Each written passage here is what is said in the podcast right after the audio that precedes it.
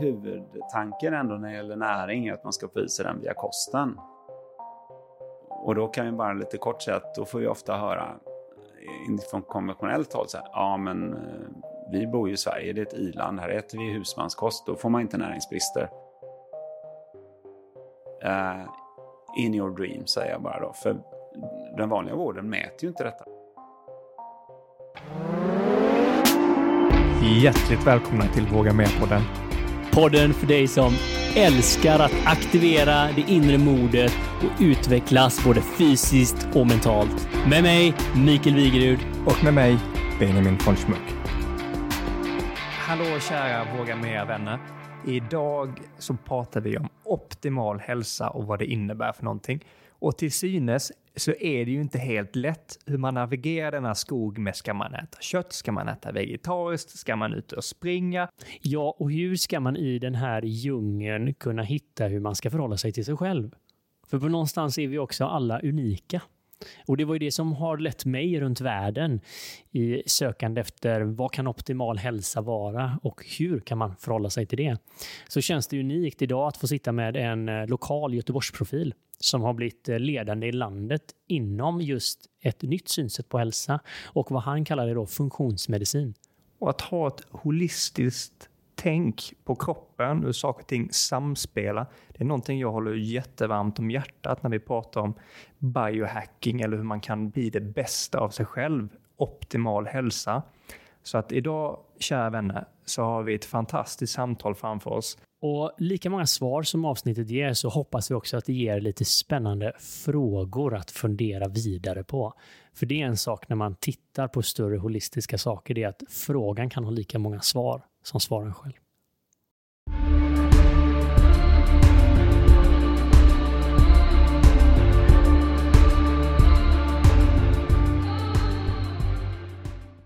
Idag så befinner vi oss här med en eh, pionjär inom landet och eh, inom Norden, tror jag vi kan säga utan att hålla igen, inom eh, nya sätt att se på hälsa och på medicin och eh, verkligen en person som har eh, satt scenen kring vad eh, funktionsmedicin är. Och eh, ett ord som var lite nytt för både mig och Benjamin när vi började förbereda detta avsnittet, men som vi är helt övertygade kommer att vara mer begripligt och mer relevant kanske i alla våra liv efteråt. Varmt välkommen Peter Martin. Tack så mycket Mikael. Tack så mycket Benjamin. Ja, det är superkul att sitta här med er idag och få prata om detta ämne som ligger mig varmt om hjärtat. Ja, det ska bli oerhört kul. Eh, det, det är fortfarande ganska få personer väl som pratar om det och, och, vet vad det är. I alla fall från vårat perspektiv så känns det så. Mm. Det är fortfarande få, fast det växer ju snabbt nu märker vi ute i samhället. Det, det finns ett stort sug efter att eh, som patient, om man är sjuk, att, att bli sedd som individ och att man inte bara eh, till exempel då um, förskrivs ett läkemedel som egentligen är samma för alla som har depression eller migrän eller vad det är, utan man vill allt mera förstå varför har man blivit sjuk och vad är, vad är det just jag kan göra? Vad är, vad är det för fel på mig? Vad är, det, vad är det jag kan rätta till i min kropp som gör att jag skulle kunna bli frisk igen? Så det är lite ett paradigmskifte inom medicinen som vi, vi kan prata om idag. Det känns ju verkligen som att det ligger på tapeten det här. Och om inget så, jag höll på att säga mer än ett års isolering och så här har vi inte gjort oss bra för hälsan. Så att eh, det ska bli jättespännande här Peter att få lära oss lite mer. Och det här intresset rent från din egen sida, hur, hur kommer det sig det att, att du idag jobbar med um, de här ämnena och varför håller du det varmt om hjärtat? Just det. Ja, men det är ju en egen resa. Det är så för många som jobbar i funktionsmedicin att man har inte kommit dit av eh, egen fri vilja så, utan det har varit genom lidande. Man har varit tvungen att, att eh, prova nya vägar helt enkelt för att ta sig fram och må bättre. Och så är det i mitt fall också. Och, så jag tittar tillbaka på min bakgrund då, så började jag plugga medicin när jag var 19 år. Jag jobbade inte, jag gjorde inte ens lumpen innan. Så att jag är eh, ja, verkligen kastade mig in i medicinska världen. Och sen när mina kompisar då gick vidare och började jobba på vårdcentraler och på sjukhus. Då fortsatte jag med forskning och läkemedelsforskning då. Så det höll jag på med sen i 15 år av mitt liv har jag forskat med Arvid Carlsson. Ehm, och år 2000 då så fick ju han Nobelpriset och det var faktiskt bara ett halvår efter att jag hade börjat jobba tillsammans med honom och andra i ett företag som, som forskade i företagsform då på att ta fram läkemedel mot hjärnans sjukdomar. Så där spenderar jag det mesta av mitt yrkesliv. Eh, så på den vägen så har jag inte jobbat jättemycket på sjukhus och vårdcentral utan det har varit mer i forskarvärlden. Men Uh, ungefär för drygt uh, eh, 10-15 år sedan då var jag ansvarig för ett helt rum med 200 pärmar det låter spännande. ja, kvalitet, eh, kontakter med Läkemedelsverk, andra forskande läkemedelsföretag. Um, inte kontakt med patienter. Då kände jag, nej, jag har kommit långt bort från det som jag brinner för. För jag, jag, jag älskar att träffa patienter. Jag älskar biologi, försöka förstå liksom, kroppen, hur den funkar. Så då tog jag ett beslut att jag skulle bli, bli distriktsläkare. Då. Och då skulle du lämna forskarvärlden och kliva ut närmare patienterna och ja. där vården händer på något sätt? Ja, jobba på vårdcentral helt enkelt som distriktsläkare som är den stora mängden läkare i, i Sverige är ju där ute. Ehm, men jag hann bara hålla på med det i två år. Sen så hände det saker som gjorde att jag inte kunde fortsätta. Och det var ju en total katastrof. Alltså jag, det var en dag jag skulle köra bil till Borås. Eh, för jag skulle till reumatologen där för att vidareutbilda mig eh, inom reumatologi. Då, för man, man randar sig, heter det, när man ska bli distriktsläkare. Man är ute på olika sjukhus och andra ställen då och lär sig om andra saker. Men eh, efter ett tag där när jag körde så började jag känna att armarna satt inte ihop med kroppen. De, det var inte jag som körde bilen, det var en psykotisk upplevelse.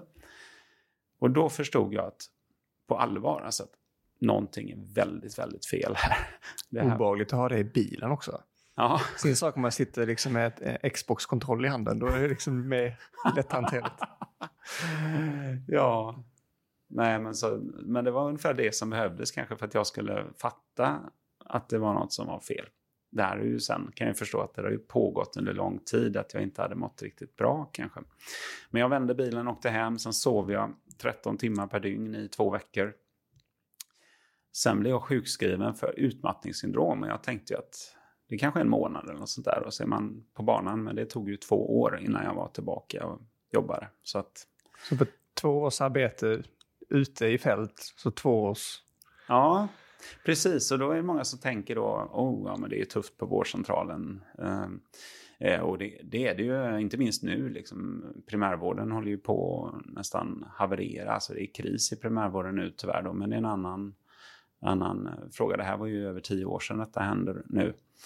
Eh, men redan då var det ganska tufft, men det var inte det som förklarade bara att jag, att jag smällde in i väggen och, och fick depression och självmordstankar och ångest och allt vad det var. Liksom. Eh, utan det var ju hela min inställning till livet. Och det vill jag uppmana alla som lyssnar på detta nu att fundera över ert liv. Försök att ta ett steg tillbaka. Det är svårt alltså att se den här väggen komma och så, men jag tror att de, de allra flesta jag har hört som har smält in i väggen på samma sätt som jag, de har ju inte förstått hur nära de var väggen all, liksom veckorna, månaderna innan näsan faktiskt krossades in i den där betongväggen som kallas utmattning. För det är det som är en del av det egentligen, va? att man ser inte att man är så nära att springa in i den här betongväggen att näsan är bara några millimeter därifrån. Nej, hade man gjort det så hade man ju antagligen vänt om om man visste vad det här skulle leda till eller var medveten om. Så det är väl det som är... Eh, men det finns ju också folk som faktiskt lyckas fånga upp det lite i bättre tid. Då, för att jag, min, jag kallar det för en hjärnkrasch. Liksom. Min hjärna slutade ju funka. Jag kunde inte läsa tidningen, jag kunde inte lösa ett korsord, jag kunde inte, jag kunde inte eh, betala räkningarna ens. Jag, jag klarade inte av mitt liv. Liksom. Jag minns vi satt på Ikea med familjen där och jag bara kände hur hjärnan koka, ta ut mig härifrån Ikea. Jag kan inte ta in ett enda intryck till liksom. Eh, så jag gick ut satt med bilen själv. De andra fick vara på Ikea. ja, det, eh, ja, men det är verkligen, det kan ju gå så illa då, men jag hade jobbat ganska många år på det där eh, tillståndet. Men det som hände då var ju att jag, jag blev sjukskriven. Väldigt tacksam för det. Och det är ju genom den konventionella sjukvården och Institutet för stressmedicin i Göteborg. Så de tog hand om mig jättebra med sina verktyg. Och jag åt antidepressiva läkemedel, hade nog viss eh, hjälp av det tror jag i en period. Um, Ehm, gick till en psykolog, hade hjälp av det. Ehm, men framförallt blev jag bromsad av min läkare som sa du ska inte prestera något, du ska inte tillbaka i jobb, du ska bara vila och du ska promenera och meditera. Och så. Men det var det jag gjorde under mesta tiden av de här två åren. Då. Ehm, och det hjälper jättebra. Men det jag märkte då, sen det som sväng, fick det hela svänga, det var att jag också la om kosten. Så jag fick ett boktips av en kompis och hon var ju advokat så jag hade stort förtroende för henne. Liksom. Jag jag kunde inte mycket om kost. Man tror att man kan mycket om kost som läkare för att man kan ju mycket om sjukdomar och man tror mycket, att man kan mycket om hälsa. Men det kan man inte heller. Man kan vara så mycket om kost eller om hälsa. Och jag brukar ju eh, prata om det här att läkare pluggar ju bara 12 timmar näringslära på fem och ett halvt år. 12 timmar enligt en studie som har publicerats i Europa då.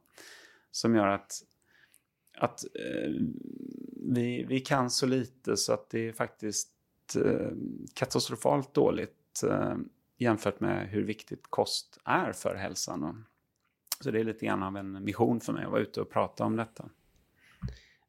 För där kan man ju tro, det är ju väldigt lätt när man ser en läkare och man hör dig också berätta om hur du som läkare här ändå gick in i en utmattningssyndrom. Och så tänker man spontant, men du är ju expert på alla ämnen. Mm. Som egentligen kan föranligga en sån här sak, till exempel hälsa och stress och så vidare. Ja.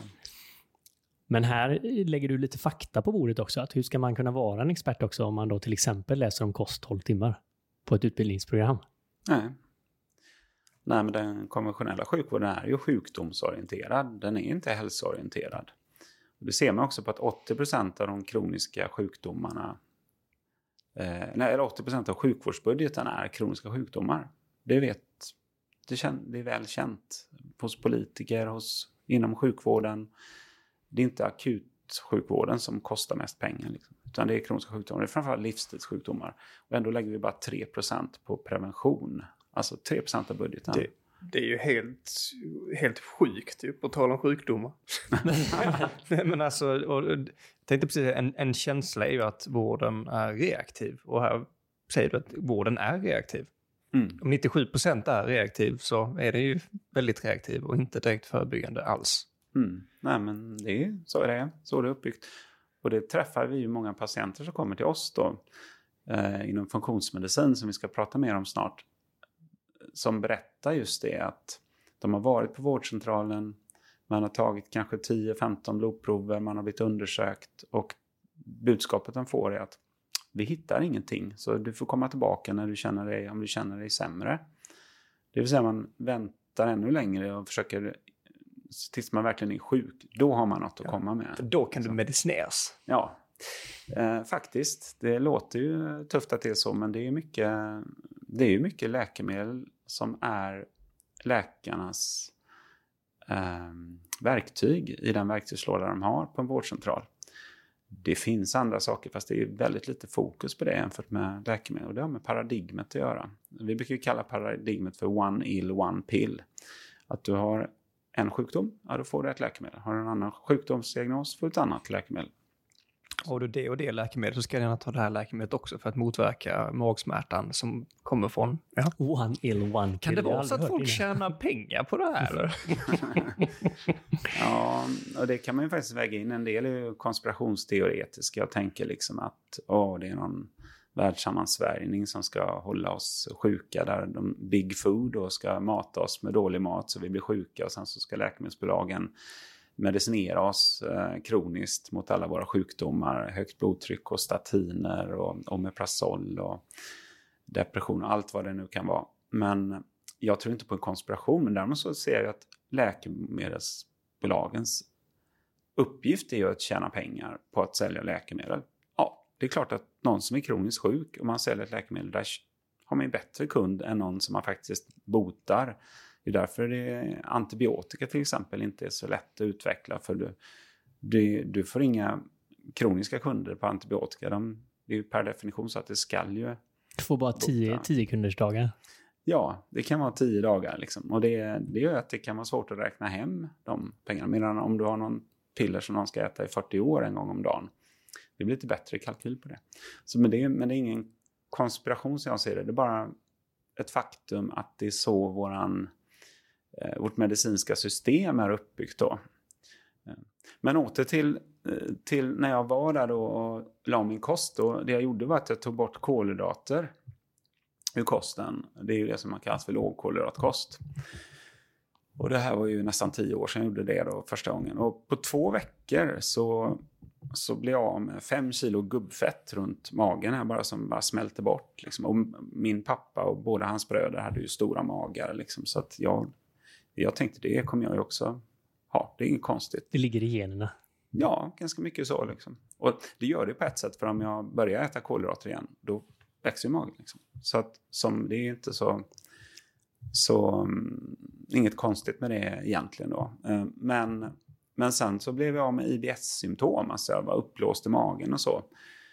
Uh, och sen blev jag av med ledvärk också på två veckor. Då. Så ledvärken bara smälte bort. Liksom. Som, jag har varit hos naprapater och fysioterapeuter och så. Och fått olika behandlingar så genom åren. Men allt det där bara försvann på två veckor.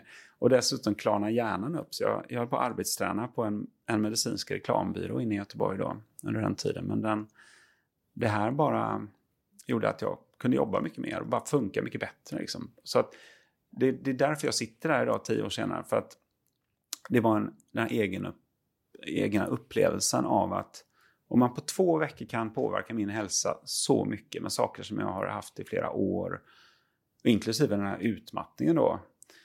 Uh, ja, det, jag brukar säga det att det är någon som har glömt att berätta någonting för mig när jag pluggade till läkare. Så det är någonting, jag, jag bara såg att här är en ganska stor svart låda. Vad är det i lådan? Och sen dess har jag sprungit runt i den här svarta lådan i tio år nu och försökt att förstå liksom, vad det var i lådan. För det är ju inte bara du som jobbar med detta. För 2014 så hände ju någonting. Mm. Efter att du började springa runt i den här svarta lådan. Plötsligt blev det ju fler som började springa runt i den här svarta lådan. Vad hände 2014? Ja, eh, 2014 då, då hittade jag funktionsmedicin. Då. Så det, och det kom ju från kosten. Och så träffade jag en, en, en man som jobbar med funktionsmedicin. Och han förklarar då liksom, nej men här tittar vi, vi tittar inte så mycket efter en, sätta en diagnos eller så, utan vi letar efter de underliggande orsakerna till att folk har blivit sjuka. Det kommer en patient, vi försöker mäta mycket saker, fråga mycket och så försöker jag ta reda på varför har de blivit sjuka? Vad är det som har gått snett i kroppen? Vilka system är det som inte funkar i kroppen? Själva namnet på diagnosen, om det är exakt depression eller IBS eller eller reumatism, det är inte lika viktigt. Det är liksom de underliggande systemen. Och för mig så var det där, det tog flera månader för mig att fatta. Liksom, han pratade om obalanser i kroppen. Vad är obalanser? Liksom? Vad, är, vad är det för, det låter flummigt, men samtidigt kände jag att det låter ju samtidigt som ett väldigt eh, sunt sätt att tänka på det. Och sen ju mer jag äh, läste på, liksom maniskt kastade mig över den, ja, sen anmälde jag mig till en kurs i USA, åkte dit, liksom, tog sex olika kurser under 2014. Jag var fortfarande inte frisk från min utmattning, men det var, det var bara som ett kall. Jag bara måste göra detta. För att um, jag har nog alltid varit bra på att följa mitt, mitt hjärta. Liksom. Eh, bara det här att jag höll på med forskning när alla andra var ute och, och pluggade. Och, eller ute och jobbade som läkare. Liksom. Det kanske visar på det. Och jag, jag har nog ofta liksom gått lite min egen väg utan att följa någon mainstream. Så. Men det blir ännu starkare efter att man har varit så sjuk som jag var. För eh, det är väl ungefär som folk som har en cancerdiagnos. Att har man varit liksom nära döden och faktiskt sett, ja, insett att ja, jag är dödlig, jag, jag kan dö här inom några månader eller vad det är. Ehm, då får man en helt annan inställning till livet. Man inser att varje dag kan vara det sista. Jag ska vara tacksam för varje dag. Och jag vill göra någonting, någonting som jag verkligen tror på varenda dag.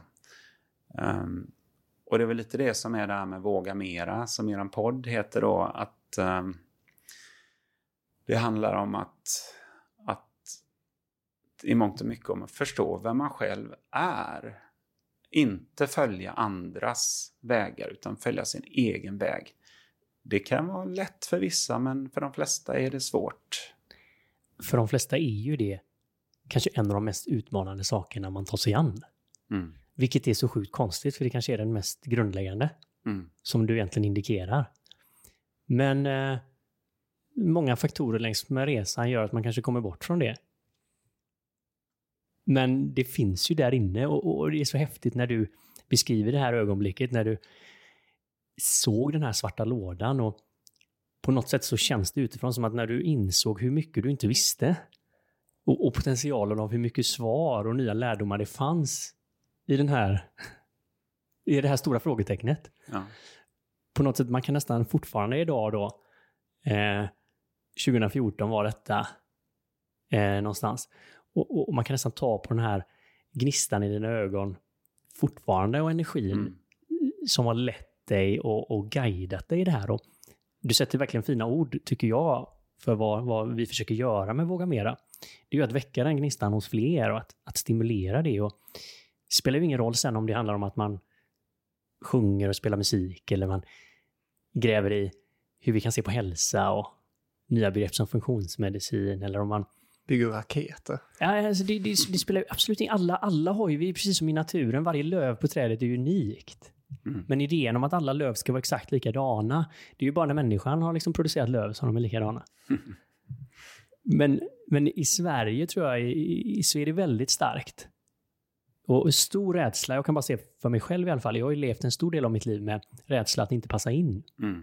Inte så medveten så att jag hade kunnat sätta ord på det, men idag kan jag se det. Mm. Och jag tog steg därifrån som avvik då ifrån vem jag egentligen var i mitt autentiska jag. Mm.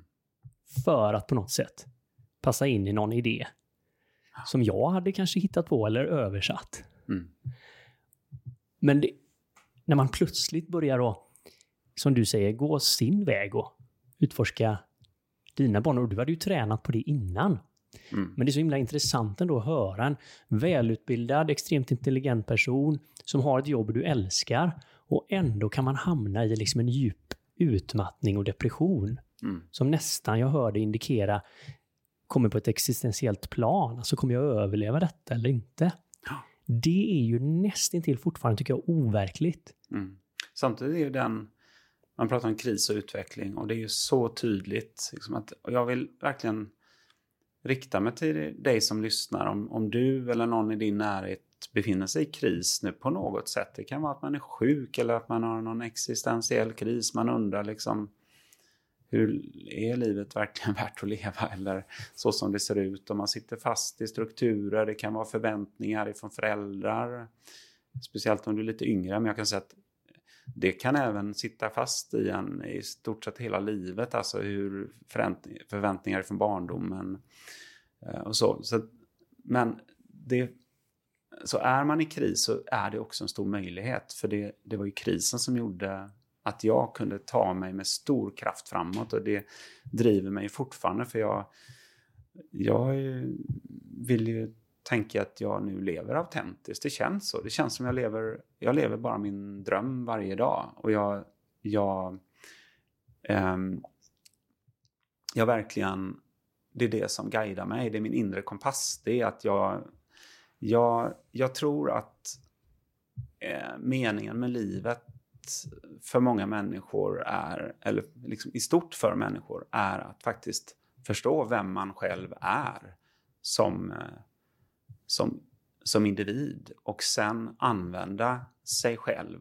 och det som man är bra på och göra gott för världen, så mycket gott man kan under sin livstid. Liksom, med just och det är inte samma sak för Benjamin och Mikael och Peter. Det är olika saker, helt olika saker. Man kan eh, använda det på så många olika sätt. Liksom. Men, så det är ett sökande. Det, det tar eh, för de flesta eh, en lite tid. Men, men uppmaningen är ju inte bara liksom sätta sig ner och kolla på Netflix och gamea, utan försök ut och, och uh, utsätta dig för saker. Och det är därför det är så nytt, nyttigt att resa, som vi inte kunnat göra så mycket på sistone. Men resa, då får vi nya perspektiv. Vi kan omvärdera mycket i våra liv och, och vi träffar människor med helt andra bakgrunder. Vi kan liksom, wow, kan man tänka så? Kan, så gör de i, i Chile? Wow! Liksom. Det hade jag aldrig tänkt på. Um, så, men men det, det gäller liksom inte slås till ro eller slås till ro av att man bara har ett jobb där man faktiskt har en bra lön. Utan det finns mycket mer man ska begära av sitt liv än det. Är det mer saker än pengar alltså?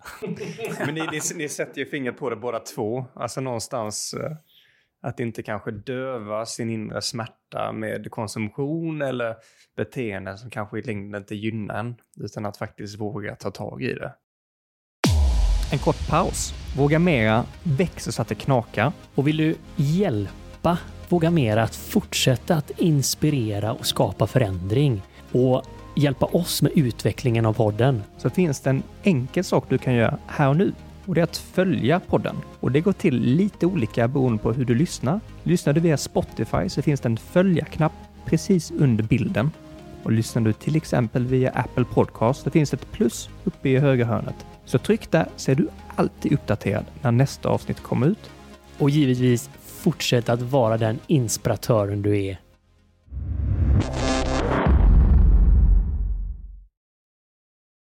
Om det är så att man mot förmodan hamnar där. Alltså man, man hamnar in i en spiral på något som är destruktiv. Man kanske inte riktigt fattar det själv, men sen så kommer den här väggen. Eller någonting händer. Då blir ju kanske dagens ämne väldigt aktuellt. Så funktionsmedicin, eh, det kanske finns många olika namn på det. Mm. Hur ska man liksom greppa det som en novis, som någon som aldrig hört talas om det? Mm. Och det är väldigt brett så att det är svårt att prata väldigt kort om det. Men en hisspitch för mig det är ju att just peka på det jag nämnde förut. Att i, inom funktionsmedicin så, så försöker vi att identifiera de underliggande orsakerna till att någon har fått vissa symptom eller blivit sjuk. Och sen åtgärdar vi de underliggande orsakerna. Så man kan ju se på en människa som att vi har eh, ett inre som består av en biokemisk miljö inne i vår kropp hela tiden. Det är massor med kemiska reaktioner som sker i våra celler och utanför våra celler varenda dag. Varenda cell måste ha sitt maskineri eh, på plats, liksom om det är så en muskelcell eller en nervcell. Och det ska finnas eh, mineraler och vitaminer som, som ser till att alla de här reaktionerna kan ske. Det mesta sker med hjälp av enzymer, heter det. Och där behövs mineraler och vitaminer för att det ska kunna hända. Och sen behöver du ha elektrolyter som salt etc. Det är massa, massa saker som ska finnas. Och fettsyror och, och proteiner, aminosyror som bygger upp våra proteiner. Det är ett stort biokemiskt maskineri. Och sen har vi en tarmflora. Uh, Där kom den. Satte så här microbiome. Ja.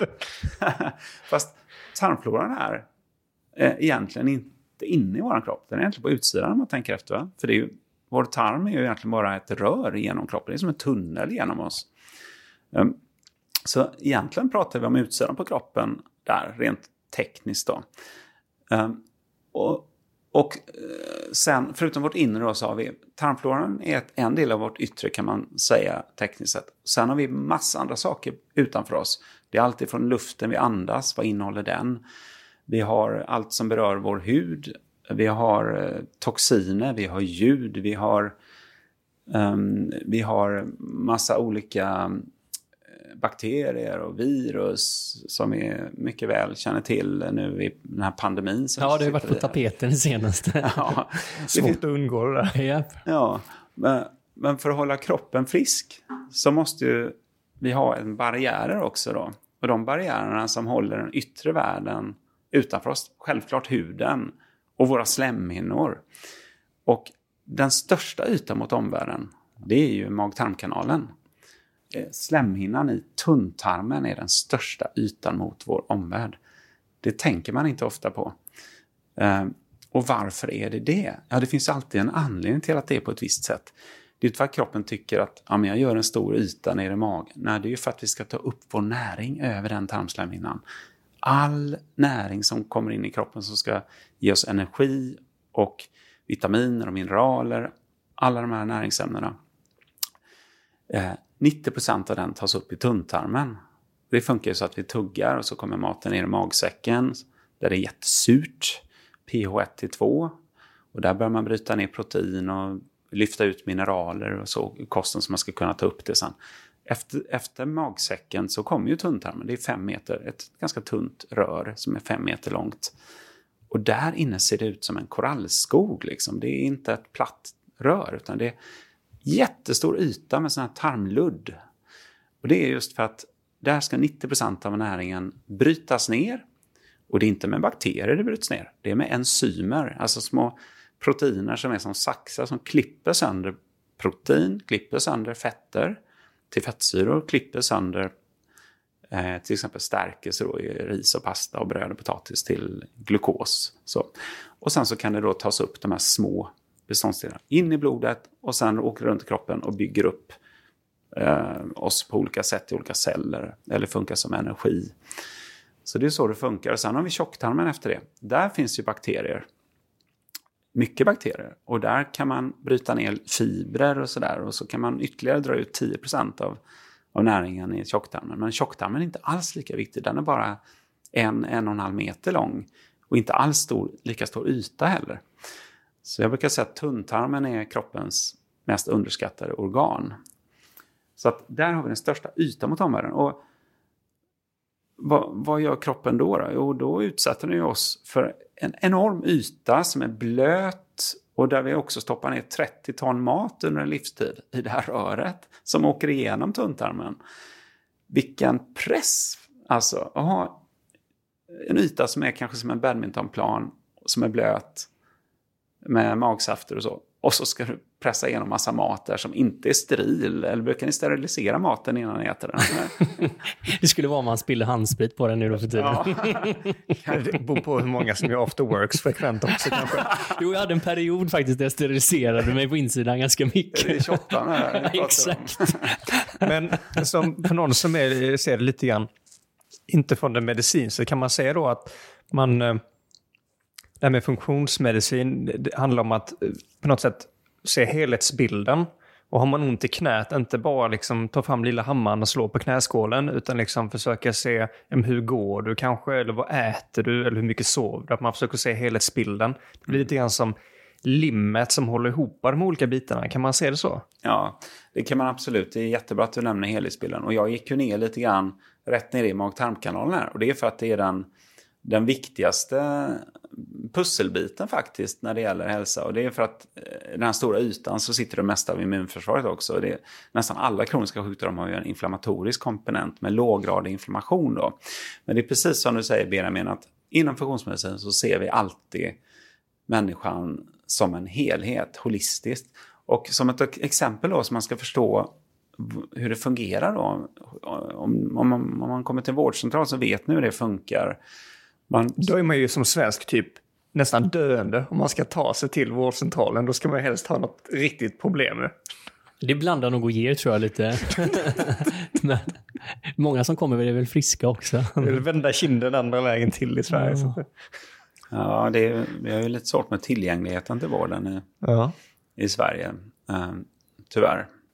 Nej, men uh, om man tar exemplet då migrän som jag nämnde förut. Ja, går du till vårdcentralen så kommer läkaren ställa frågor till dig. Ja, du har, du har ont i huvudet, framförallt på ena sidan, sitter kanske bakom ögonen och det, du blir illamående och så, och så kan du inte gå till jobbet den dagen, kanske blir liggande där i ett mörkt rum. och så. Okej, okay, då får du migränläkemedel och då kommer det troligen hjälpa dig. Du tar Sumatriptan till exempel. Nästa gång du känner att det är på gång. Jättebra och doktorn är nöjd och och Benjamin är nöjd om du hade migrän och för att du kan ha ett verktyg du kan ta bort. Men skillnaden i funktionsmedicin att vi ställer alltid frågan varför. Så man kallar det till och med för the medicine of why på engelska. Vi ställer alltid frågan varför. Varför har du migrän? Det ska du inte ha. Liksom, hade detta varit på savannen och vi tänker väldigt mycket evolutionärt också. Liksom hur, hur funkar människan på savannen? Vad är det våra gener är framtagna till för miljö egentligen? Och det var ju liksom innan jordbruket kom för 10 000 år sedan som våra gener är anpassade till huvudsakligen. Då. Men då, då ställer frågan varför och då, då gäller det att lista, lista ut vad är det som har gått fel då. Och det, jag har sett lista på 29 olika orsaker som kan, alltså underliggande, som kan påverka och ge dig migrän. Så att det är inte så här bara att man kan säga en sak eh, som alltid i funktionsmedicin ger migrän. Utan det kan vara magnesiumbrist eller det kan vara att du äter för mycket histamin eller eh, det kan eh, vara andra näringsbrister eller att du inte tål vissa födoämnen du äter etc. etc. Och det vi gör då, inte minst på FunMed, eh, våra kliniker då, som är, FunMed-kliniken är ju den jag startade i Göteborg 2014 då. Och nu är vi, finns vi på fyra ställen i Sverige och vi är tio läkare som jobbar enligt den här modellen då. Där, där jobbar vi så att vi då ställer mycket frågor till våra patienter. Och det, det funkar inte att göra det i rummet för då hade man fått sitta i flera timmar. Utan då får du istället fylla i ett formulär där du svarar på 300 frågor. Om din hälsa, om din livsstil, varför vill du komma hit? Vad har du för förväntningar på det? Och det läser en läkare och det kan vara 8 A4 eller 10 A4 med bara fullskriven text som du har fyllt i då, i formulären. Så då vet jag som läkare väldigt mycket om dig när du kommer. Det blir ett väldigt effektivt möte. Jag behöver liksom inte sitta och fråga dig hur många barn har du och sånt. Det vet jag redan, det står där. Och, ja, har du ont i magen? Ja, det har du fyllt i. Du har fyllt i hur ofta du går på toa, hur är avföringskonsistensen etc. Liksom alla de här sakerna som kan spela roll för att vi ska kunna förstå vad som har gått snett. Och sen när vi haft vårt första möte och jag även har undersökt dig i underkläderna och, och tittat på, vi tittar på naglar, vi tittar på hud, man kan se näringsbrister, man kan se eh, och förstås vanlig läkarundersökning också. Alla våra läkare är vanliga läkare som har ju vidareutbildat sig inom funktionsmedicin.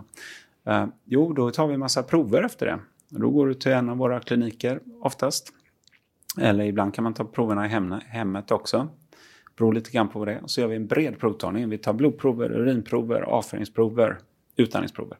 Och då kan vi på det sättet kartlägga. Så vi pratar om att vi lägger ett tusenbitars pussel kring dig då Benjamin. Och då kan vi se verkligen genom kunskap om biokemi, tarmflora, matsmältning, näringsämnen. Vi mäter 38 av 46 essentiella näringsämnen. Alltså essentiella näringsämnen, det finns 40, ungefär 46 stycken. Det finns lite olika idéer om det. Men 46 stycken du måste få i dig via kosten. Det är vitaminer och mineraler och sånt. Vad kan detta vara? A-vitamin och B-vitamin? Och... Ja, alla vitaminer är essentiella näringsämnen. Det är liksom definitionen på en vitamin. Att, eh, så det finns A-vitamin, det finns vitamin B1, B2, B3, B5. Du har eh, biotin, folat, B12, det är B-vitaminerna. Och sen har du C-vitamin, du har D-vitamin, du har E-vitamin, du har sen också K. K1 och K2 finns det då. Så det finns ett helt gäng vitaminer, men det finns också massa mineraler som man behöver ha, som magnesium och zink och järn och mangan och, och det finns spårämnen som bor och vanadium. Och det, det liksom, kroppen behöver ha alla de här. Borde man ha liksom då, inför varje måltid ett, ett gäng med olika pulver då bara och sen så lite lite vattenlösa, fettlösa eh, fetter och mineraler, då klarar man sig som bäst. nu har du brutit ner det ja. till en ganska... Så lite jordgubbssmak på det, då har man sig en riktig... Ja, det, det finns ju sådana näringsdrycker man kan ja. köpa då. Men eh, ja, huvudtanken ändå när det gäller näring är att man ska få i sig den via kosten. Eh, och då kan vi bara lite kort säga att då får vi ofta höra från konventionellt håll så här, ja men eh, vi bor ju i Sverige, det är ett iland, här äter vi husmanskost, då får man inte näringsbrister. Uh, in your dream säger jag bara då, för den vanliga vården mäter ju inte detta. Jag har nu i, jag tror tre års tid frågat, frågat i poddar och sånt. Mm, skicka, skicka alla studier ni hittar där man har mätt eh, på bredden då, näringsbrister i, i den svenska befolkningen. Jag har fortfarande inte fått ett enda mejl om det, eller några så, så det, det är ett vanligt fenomen i Sverige med näringsbrist? Ja, det är det. Men då får man ju tänka på att vi tänker ju inte på skörbjugg eller beriberi som är att man har brist på vitamin B1 och så, alltså som är, eller rakit eh, som är att du har brist på D-vitamin då. Alltså på det sättet att man får grava bendeformiteter vid rakit om ett barn växer upp med D-vitaminbrist till exempel. Eh, och berg, eller skörbjugg som sjömännen fick när de inte hade C-vitamin på långa sjöresor och, och sådär. Det är inte på det sättet. Men, men, men håller inte ni med mig om att det är ganska logiskt att tänka på kroppen? Att man inte bara tänker att, att det är digitalt. Antingen har du skörbjugg för att C-vitaminbrist eller så har du inte C-vitaminbrist och då är allt bra. Det finns ju en glidande skala någonstans. Någonstans får du ju skörbyggen, men du kan också ligga alldeles ovanför den gränsen där du inte har fått skörbygg, men du har fortfarande inte optimala värden. Så vi tänker ju alltid optimala värden i funktionsmedicin. Det är också en skillnad mot konventionell sjukvård, där även när de mäter på en vårdcentral då, där jag själv har jobbat i några år, om de mäter järn, till exempel järnlager, så kanske de tycker att 7 är normalt järnlagervärde, ferritin som det heter. Medan vi tycker 20 är, är opti optimalt, minst 20 liksom. Efter den här gränsen är du inte bra. Så länge du inte är på den sidan så är det Mm. okej. Mm. Personligen så är inte jag så intresserad av typ när man står med ena foten i graven. Utan liksom, det är mer så här, när lyfter vi, när kan vi börja flyga? Ja, det är ganska tydligt ofta när det har gått åt helsike. Ja. Alltså, Mm. men, men här då, så på något sätt, det, man hör ju det är en väldigt strukturerad analysmetod. Den känns ju extremt modern. Alltså. Och, och jag tänker ju på dig här Benjamin, du, du är biohacken här och brukar ju alltid slänga upp eh, lite biohacking-böcker på bordet om nya fenomen eller idéer kring hur man kan hacka sig själv. Då. Och, här på något sätt så kombinerar man eh, frågeformulär med eh, en massa mätparametrar helt enkelt. Ja, För att få en bild låter det som, för att förstå den här individen då. ja. Vad kan vara rotorsaker Mm. Eller grundläggande orsaker till att någonting eh, beter sig som vi inte vill eller Mm. det ska då? Ja. Och det kan ju till och med vara folk som kommer till oss som inte är sjuka. De har inga symptom, ingenting de, ingen värk, ingenting sånt. Men eh, de säger att eh, min mamma fick eh, cancer väldigt tidigt när hon var 45 och, och gick bort i det. Och jag, jag vill bara se, är det någonting som är fel i min kropp eh, som jag kanske inte har fått symptom av än, men som skulle kunna leda till det då? För det finns ju mycket forskning på saker och ting som man vet hänger ihop med att om du har ett visst mätvärde så har du högre risk att få sjukdom. Så, det, så jobbar vi också, att man bara optimerar. Och vi jobbar ju mycket med företag också, ledningsgrupper och så, där man kan eh, helt enkelt, om man, det vi håller på med är att optimera människor helt enkelt, deras inre funktion och även yttre och även det psykiska, hela den biten. Det är ju en helhetsgrepp. Även om vi pratar ju mest om det här med biokemi och de bitarna, matsmältning, tarmflora.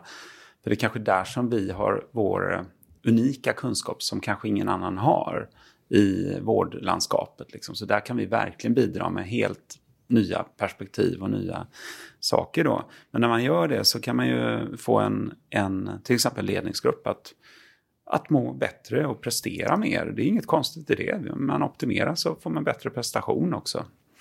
Det är så som vi som jobbar med funktionsmedicin, eh, till exempel när jag ska podda mer, då optimerar jag ju mig innan. Det är som Benjamin håller på med biohacking, det gör jag också. Varenda dag håller jag på med biohacking.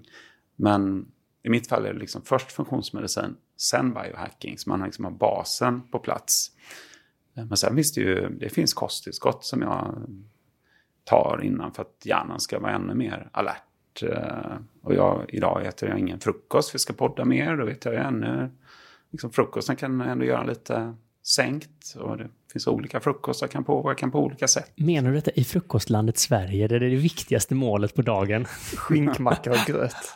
Ja. Ingen havregrynsgröt innan podden. Nej, det var länge sedan jag talade.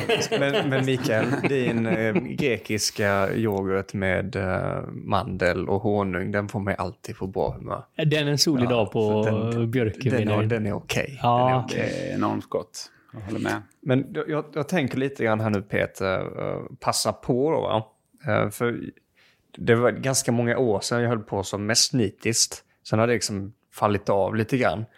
Um, det finns ju så jäkla mycket man kan läsa om när det kommer till, om vi säger biohacking. Och för mig, vad jag tänker på med biohacking, så är det här att, att man på något sätt vill nå det här, vad, vad är det bästa man kan bli och kan man bli snäppet vassare? Kan man tänka um, lite snabbare, lite mer effektivt? Det är ungefär som den här Limitless-filmen.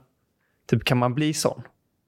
Och nu idag är inte frågan riktigt kan man bli sån, utan det är mer så här, ja det kan man, men vad krävs det? Mm. Uh, och det finns, det finns ju så mycket spännande inom de här sfärerna.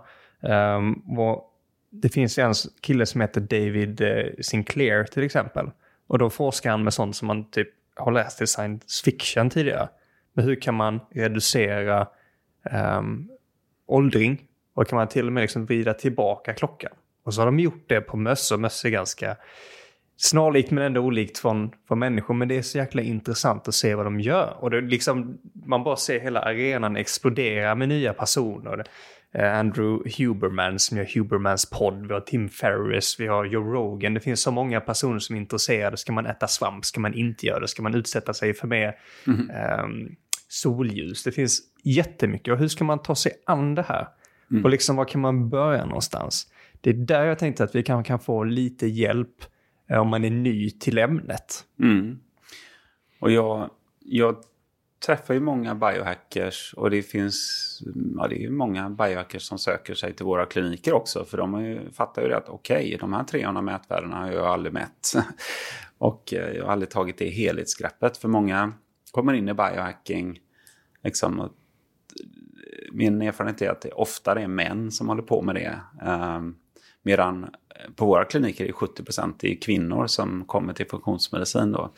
Kvinnor söker mer vård även på vårdcentral så, så det är kanske inte jättekonstigt. Men, men det är mer män som håller på med biohacking. Men många av dem har hoppat över det här steget med liksom grundhälsan och funktionsmedicin och så. Det kan ju bero på att de inte har haft möjlighet och så. Men det, det kan också vara det här att man, vi är liksom vana vid att quick fixes. Att tar jag ett piller, tar jag mm. ett kosttillskott så får jag en snabb effekt. Uh, jag kanske inte orkar meditera i en timme men jag kan banne mig ta uh, den här pillret som gör att jag tänker lite snabbare. Och jag kan youtuba 300 timmar på att hitta det här pillret innan. men, men, men ett nytt ord på egentligen att använda samma process. Alltså, man orkar inte med några större förändringar. Mm. Vilket livsstilsförändringar, det är ju svårt. Mm. Alla som har provat. Ja, ja. Eh, och eh, ja, skulle man ordinera meditation en timme om dagen, det är ju svårt mm. ja. att, att implementera en sån mm. rutin. Mm. Då är det lättare kanske att, eh, men precis som att få ett piller eller dricka bulletproof coffee då, som man kanske hade gjort om man var biohacker eller någonting quick fix. Jag kan ju allting exakt samma, men den här ingrediensen kommer att ändra hela mig. Ja, ja. Så är det, men det är ingenting som är så så lätt. Och dessutom om man gör en sak, om, om jag hittar en sak som jag vet funkar, det kanske funkar nu, men det kanske inte funkar om två år för då, eller om ett år, för då kanske jag, min tarmflora är annorlunda och ja. min kropp är annorlunda och min stressnivå är annorlunda. Så allt detta är rörliga mål.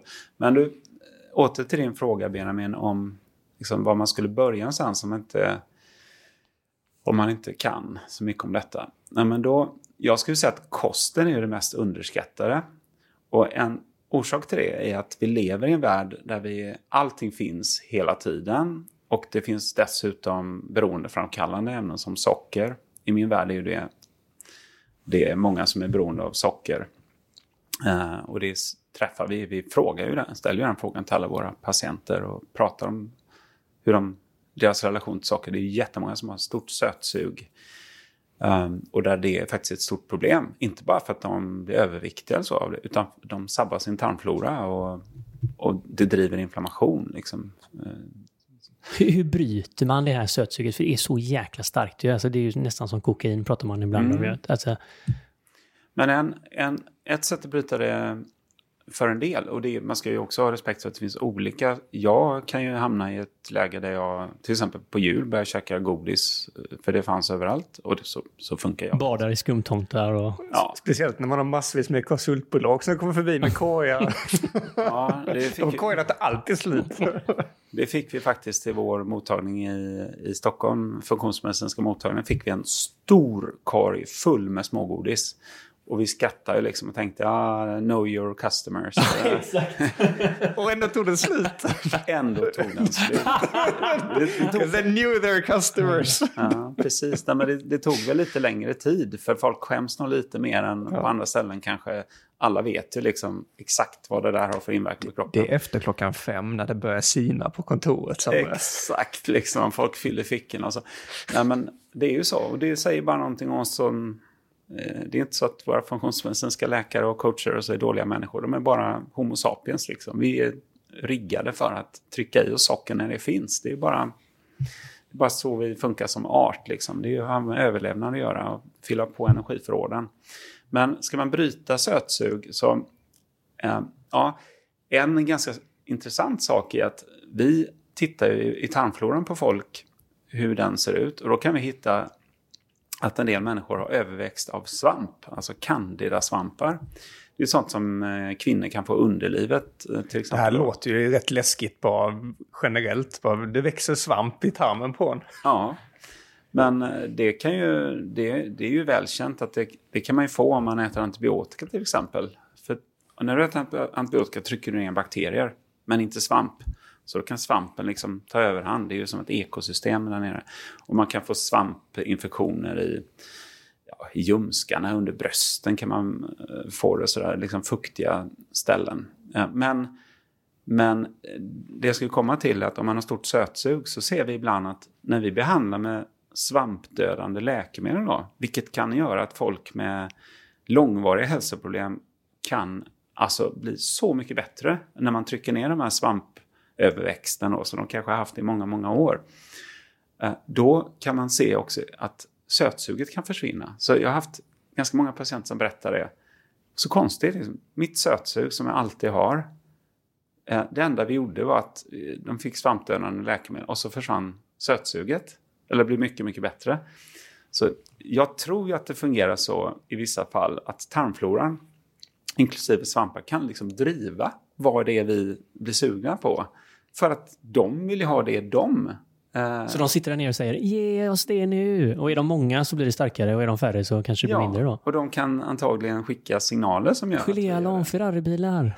Det, det, här är så jäkla intressant. Och det, det, var ju någon studie som sa att liksom, på något sätt så är den direkt... Alltså att, att det finns en sån här nervkoppling till ens bakterieflora, till vilka beteenden man har också. Hur man mår och vad man förtär.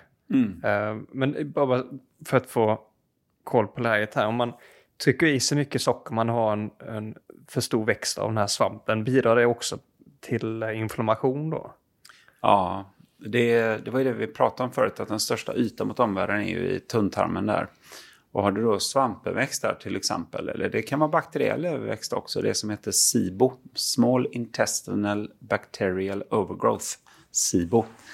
Um, då, har, då kan det ju irritera tarmslemhinnan. Och vi sa det att där sitter det mesta av immunförsvaret, kanske 60% av immunförsvaret, 70% av immunförsvaret sitter där. För det är den största ytan, det är där man behöver patrullera med vita blodkroppar och se att det inte kommer in någonting ifrån kosten. Eller några svampar eller bakterier eller något. Ehm, och därför så, så kan det trigga inflammation. Och då menar jag inte eh, i första hand liksom en inflammation som du behöver känna något av. Utan det kan vara den här kroniska låggradiga inflammationen som drivs ifrån mag-tarmkanalen. Så i min värld så är ju mag-tarmkanalen det är centrum när det gäller hälsa. Det är där man ska börja leta, det är där man ska börja verkligen se till att det funkar. Och vi hittar ju avvikelser på så gott som alla patienter som kommer med olika sjukdomar och symptom i matsmältning, i, eh, i mag-tarmkanalens funktion. Det här, det här är ju något av det viktigaste som jag tror är mest underskattat. Alltså rent generellt, för vi pratar ju lite grann, vi hamnar in på kosten. Och är det någonting det finns så är det ju, det, det finns ju dieter precis för allt. Och det är ju trendigt. Och jag märkte när man pratar med kollegor, man pratar om så här, om man är trött eller inte trött eller saknar energi och så här. Eh, och ja, men du måste göra det här. Den, det här ska du käka. Nu ska du käka det här. Du ska bara käka kött. Eller du ska bara käka kolhydrater. Du ska boosta det där. Du ska räkna på det sättet. Och jag tror att det, det, det finns en stor liksom, marknad med hälsocoacher och holistic hälsovi och träning och allt det här. Och allt det här liksom spelar in någonstans att, att vi kan inte ha ett och samma. Och så ser man inte riktigt på individen utan man ser det på att nu är det det här som gäller. Mm. Och jag, jag, fick lära mig det av, av morsan som hade jätteproblem med, tar, eh, med tarmarna och det här är kanske fem år sedan. Och så sa hon det, för då, nej, nu har jag blivit rekommenderat att jag ska äta vitt bröd. Man bara, vitt bröd? Har man sett den här Super Size Me och folk liksom, vitt bröd är ju som att äta ja, men, klorin typ. Alltså det är giftigt tänker man. Men sen mådde hon jättebra för det. När hon körde liksom, mm. hon, åt, hon inkluderade sin kost, inte bara såklart. Va? Mm. Men då helt plötsligt mådde hon så mycket bättre. Mm.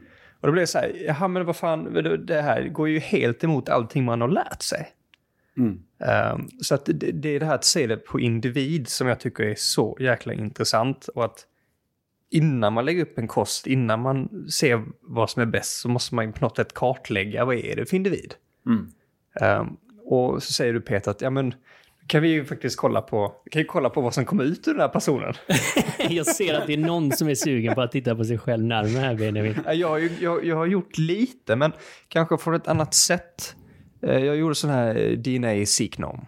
Mm. Och så kollade jag utifrån det. Det var väl kanske tusen frågor man gjorde där också. Uh, och och det, det, känns som att det var ju jätteintressant att jag lärde mig att jag ligger i hög risk för diabetes typ 2. Uh, massa sådana här bitar och det är utifrån mitt DNA. Men någonting som saknas där, det är ju okej, okay, det är lite om man pratar här med samhälle, vad man föds till, det man föds i biologi och sen så samhällets påverkan. Um, och om jag tolkar det rätt Peter så, uh, det här med uh, FunMed handlar ju mer liksom om, ja men du har en grund, men vad, vad är det som kommer ut? Och hur kan vi liksom behandla det utifrån hur det är idag? Stämmer det? Mm. Nej, men om det är individualiseringen du är ute efter? Ja, alltså att, att, om man kanske är ny och man har gjort ett DNA-test eller mm. liknande. Mm. Mm. Så är det ju kanske en bit, men det är liksom långt ifrån hela pusslet för den här personen. Nej. Nej, det där är intressant också för en del jobbar ju, en del funktionsmedicinare jobbar mycket mer med DNA-tester än vad, vad vi gör. Vi gör det är väldigt liten omfattning och inte först i ledet. Liksom. Det kommer lite senare i så fall när man verkligen behöver utreda någon som man inte förstår sig på riktigt med alla våra andra tester. Eh, och det beror ju på att eh, man trodde ju då när DNA he, hela människans DNA hade kartlagts i början på 2000-talet då. Jag tror Bill Clinton stod och liksom sa nu har vi det. Nu har vi kartlagt DNA. Nu kommer vi kunna förstå sjukdomar. Det är bara att det har inte hänt på de här 20 åren som har gått sedan dess. Det beror på att de flesta kroniska sjukdomar är ju multifaktoriella. Liksom. Det, är, det är kanske mer, inte så mycket genetik, exakt vilken gen du har, vilka gener du har, utan det är mer epigenetik. Och epi betyder ju ovanpå liksom. Och det, det, är alltså hur, och det är hur vi lever, det är vår livsstil, det är vår livsmiljö som, som påverkar våra gener. Så tänk, generna är som tangenterna på ett piano. Medan epigenetiken det är hur vi spelar på pianot, hur vi äter, mm. hur vi lever, hur vi stressar, hur är våra relationer, hur rör vi på oss. Det är epigenetiken. Men epigenetiken är ju antagligen mycket viktigare än vad generna. Generna kanske säger vilken typ av sjukdom du får mera. Om jag, jag hårdrar lite nu, men i alla fall det är åt det hållet. Generna säger lite vilken typ av sjukdom medan epigenetiken kan bestämma om du vill bli sjuk överhuvudtaget.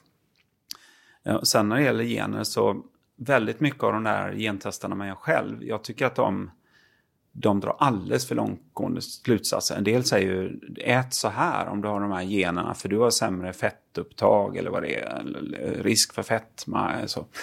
Det är bara det att det finns ju ingen som har gjort en studie på de, den, de generna som åt så i, i 20 år. Hur gick det för dem? Och hur gick det för någon som gick åt något annat liksom. Så man övertolkar de där data alldeles för mycket. Dessutom så, om man säger då, vi kan ta ett exempel som jag hörde på en podcast med en forskare. Om du, om du tittar på de generna som är bäst på att förklara fetma, om du får fetma eller inte, om du blir fet eller inte. Om du bara tittar, idealt sett så hade det varit en gen. Liksom. Har du den genen så får du fetma och har du inte genen så får du inte fetma. Det hade varit väldigt lätt då. Liksom. Då hade man ju velat mäta den genen på alla barn kanske. så. Men här istället så tog man de 141 bästa generna. De som, och så, så hur mycket om man, om man tog hänsyn till alla dem och så jämför man olika människor. Det förklarar 13 procent av om de blir feta eller inte.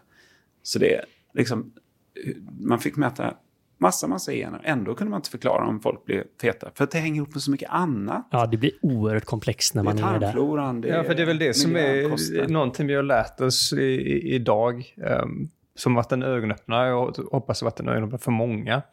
Att även om man till exempel kollar på genetiken så svarar inte det upp till vad är det för tarmflora man har.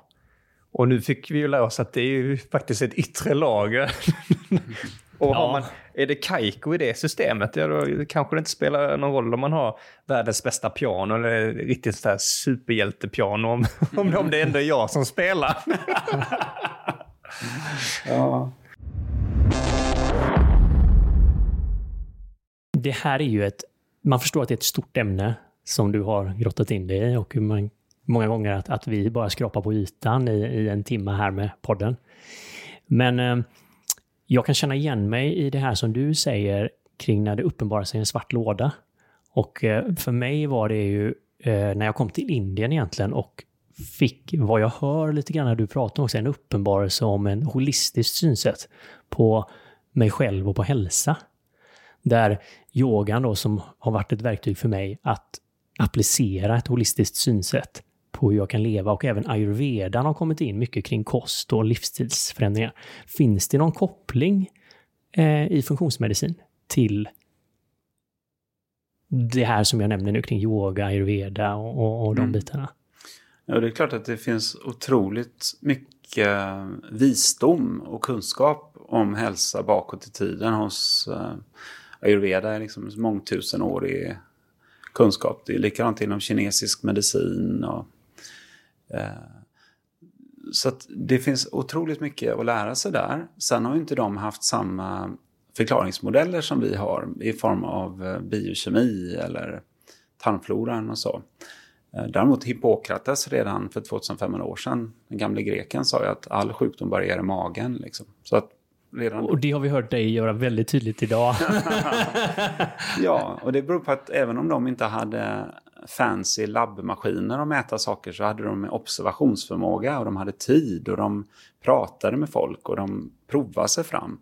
Så det finns otroligt mycket kunskap, eh, inte minst inom ayurveda. Sen är ju så inom funktionsmedicin, eftersom det är holistiskt, så är det klart att man kan plocka upp saker där. Och vi, vi rekommenderar ju våra patienter att ägna sig åt yoga och meditation om de, om de alltså prova det och se om det passar dem. Andningsövning, eh, jätteviktig del som jag själv gör varenda dag. Eh, så det, det, finns mycket kopplingar. Sen är det klart att, men vi säger ju inte att vi är alternativmedicin, utan vi är ju en utveckling av den konventionella medicinen. Vi har precis samma anatomi, histologi, cellbiologi, biokemi som den konventionella medicinen. Vi är alla vanliga läkare som bara har valt att vidareutbilda oss och gå in i det nya paradigmet för 2000-talet här där vi ska titta mycket bredare och mäta mycket mer, förstå individen. Eh, problemet just nu då är att vi verkar ju på FunMed inom privat vård det kostar ju pengar. En läkartimme på en vårdcentral kostar 3000 kronor men det betalar man ju via skattsedeln då. Hos oss får man betala det ur egen ficka eller om, om ens företag väljer att betala det då. Eh, så vi har ju fortfarande problemet att det kostar pengar och det, det kan ju kosta flera tiotusentals kronor att komma till oss.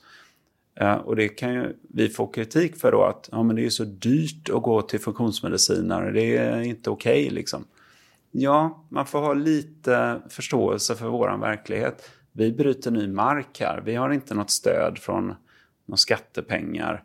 Vi försöker förstå hur vi ska göra detta på bästa sätt. Det, här det har funnits i 30 år i USA, liksom, men det är ingen som har lyckats skala upp det.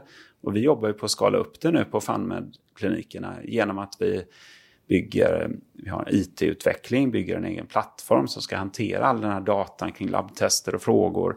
Vi gör dataanalys. Vi ska försöka verkligen analysera den här databasen som vi har kring hälsa nu, kring labbtester och alla enkätfrågorna och på det sättet göra funktionsmedicin mer effektivt, billigare så den kan nå ut till folket på det här moderna sättet. Använda AI, använda eh, digitaliseringen så att vi sen kan nå ut till folket.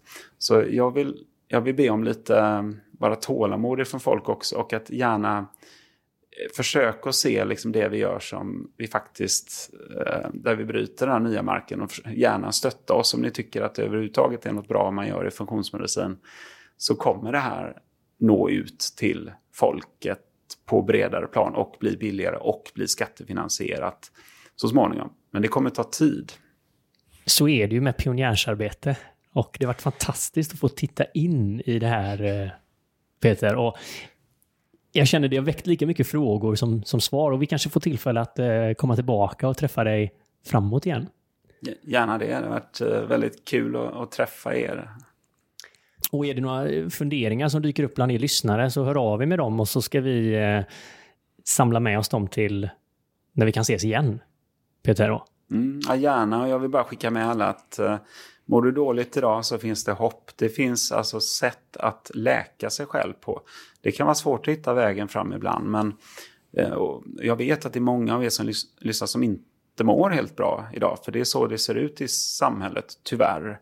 Och många unga också som inte mår bra. Men det finns en väg framåt. Det finns sätt att läka sig själv och faktiskt må, må bättre än vad man kan föreställa sig. Och vill man redan ta tag i det idag, Peter, hur gör man då? Om man vill liksom få kontakt med eh, antingen med dig eller med FunMed eller vad är lättaste vägen? Ja, om man, om man känner att man behöver hjälp av en funktionsmedicinsk läkarklinik och det är ju inte alla som behöver det. Det finns mycket man kan göra hemma med kosten och man kan prova lågkolhydratkost, eh, man kan prova eliminationskost, det vill säga ta bort saker som gluten och mejeriprodukter till exempel och kosten i en månad eller något sånt där. Det finns mycket man kan göra själv hemma. Eh, men vill man komma i kontakt med oss om man känner att det är rätt väg att gå om man är beredd att liksom göra den satsningen. Då är det ju funmed.se och det är functional medicine som ordet kommer ifrån då. Funmed, det är funktionsmedicin på engelska då. Så det är inte rolig medicin? Nej, fast det blir ju, det blir ju kul för oss. det blir ju roligt. Fun, fun life. Uh, ja. Fun ja. light. Förlåt reklam här i podden nu. Just det. Nej, det är inte med Fun Light. Jag, har inte. Funmed.se. Funmed, ja. Funmed.se. Uh, och sen vill jag också eh, berätta det att vi inte bara tar emot patienter utan eh, på sätt vi tar emot läkare också och sjuksköterskor. Så vi utbildar i FunMed Academy, heter det. En onlinekurs på eh, lite olika upplägg, men det kan vara sex månader, kan gå snabbare. Men då kan man alltså gå från att vara en konventionell läkare, sjuksköterska, utbilda sig inom funktionsmedicin och sen kan man faktiskt eh, börja jobba hos oss, en del av de som går de kurserna. Då. Så det kan man titta på FunMed Academy också och googla, googla det. Så det, det är en utveckling som går rasande fart. Vi hade ett webbinar nu för innan jul. Det var 78 läkare och sköterskor som hade använt sig och var med och lyssnade då på eh, när vi pratade om funktionsmedicin. Och det, det där fanns inte på kartan för tre år sedan. Liksom, så att det, det håller på att ändras. Ja, det är exponentiell hastighet här nu. Ja, och, det är det. Jag tänker i den krisen som vården ser nu mm. kring, kring pandemin och allting som händer så kommer det nog komma fler som börjar titta åt andra håll. Det är säkerligen fler som har en liknande resa som du också Peter. Inte bara kanske för sina egna patienter men att se sig själv som patient också. Ja. Ja, det har varit oerhört inspirerande och roligt att ha dig i studion. Så vi tackar ödmjukast för det och önskar all lycka till i fortsättningen med den här utvecklingen och dekodandet eller avkodandet av din svarta box. Just det. Tack så mycket. Detsamma och vi, vi ses igen. Tusen tack. Tack.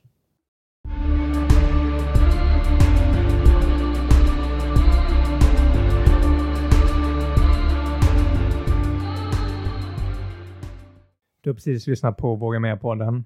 Med mig, Benjamin. Och med mig, Mikael. Vill du höra mer av oss så måste ni ju såklart prenumerera på podden. Och det gör ni genom att ni klickar i den här klockikonen där poddar finns. Det brukar vara som en, en liten, liten, liten ikon. Så se till att ni hittar den så är ni med nästa avsnitt och nästa igen och nästa igen och nästa igen och ni är alltid uppdaterade. Och är det en sak som vi verkligen tycker om i Våga Mera-podden så är det ju att vi tillsammans engagerar oss. Så in på våra sociala kanaler, kommentera, dela och inspirera varandra.